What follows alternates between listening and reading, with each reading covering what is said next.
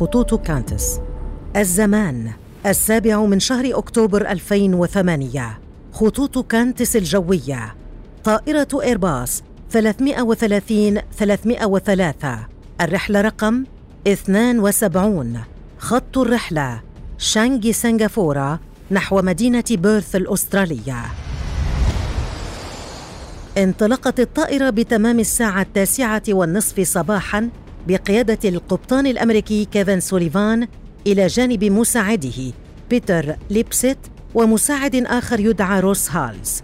وعلى متنها 303 ركاب بالإضافة إلى 12 فردا من طاقم الطائرة. مرت ثلاث ساعات على الإقلاع من دون حدوث أي مشاكل لكن الأمر لم يبقى على حاله. إذ فجأة بدأت إحدى الوحدات المرجعية لأجهزة استشعار بيانات الهواء الثلاثة بتقديم بيانات غير صحيحة إلى كمبيوتر الطائرة. عندها بسبب تعارض البيانات انفصل الطيار الآلي تلقائياً. وسط حالة من الذعر والحيرة حاول القبطان تحليل المشكلة فيما راحت رسائل التحذير تتتالى على شاشة نظام الطائرة. وبعدها بدأ بالتحليق بالطائرة إلى ارتفاع بلغ 37180 قدماً وأعاد تشغيل الطيار الآلي رقم اثنين. ويا لريبته عندما وجد البيانات على شاشته مختلفة عن تلك على شاشة مساعده.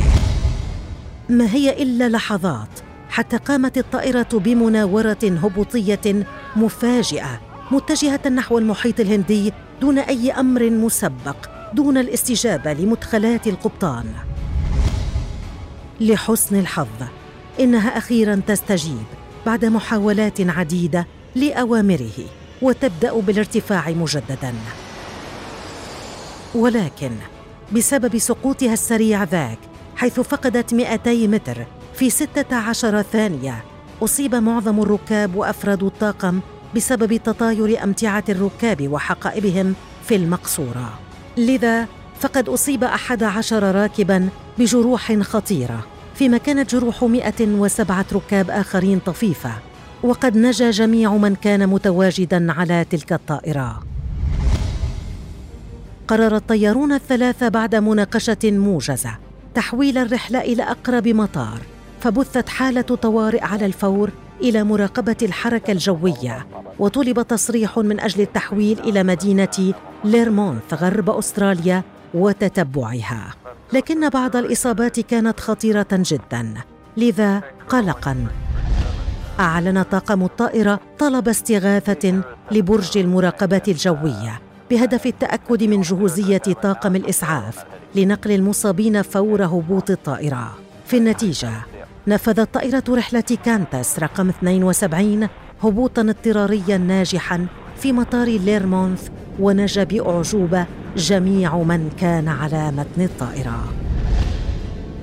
على الأثر بدأت هيئة سلامة النقل الأسترالية تحقيقا في الحادث. دعم من هيئة سلامة الطيران المدني الأسترالية وشركتي كانتاس وإيرباص. جاء في تقرير المحققين الأولي حدوث خطأ داخل الوحدة المرجعية لمستشعر بيانات الهواء رقم واحد. كانت الآثار الأولية للبيانات الخاطئة إطلاق تحذيرات خاطئة مثل تحذير السقوط ومن السرعة إضافة إلى فقدان معلومات ارتفاع الطائرة على شاشة العرض الخاصة بقبطان الطائرة والعديد من تحذيرات النظام الأخرى فبذلك أرسل أمر إلى نظام التحكم في الطيران لخفض مقدمة الطائرة التي هبطت بزاوية حادة.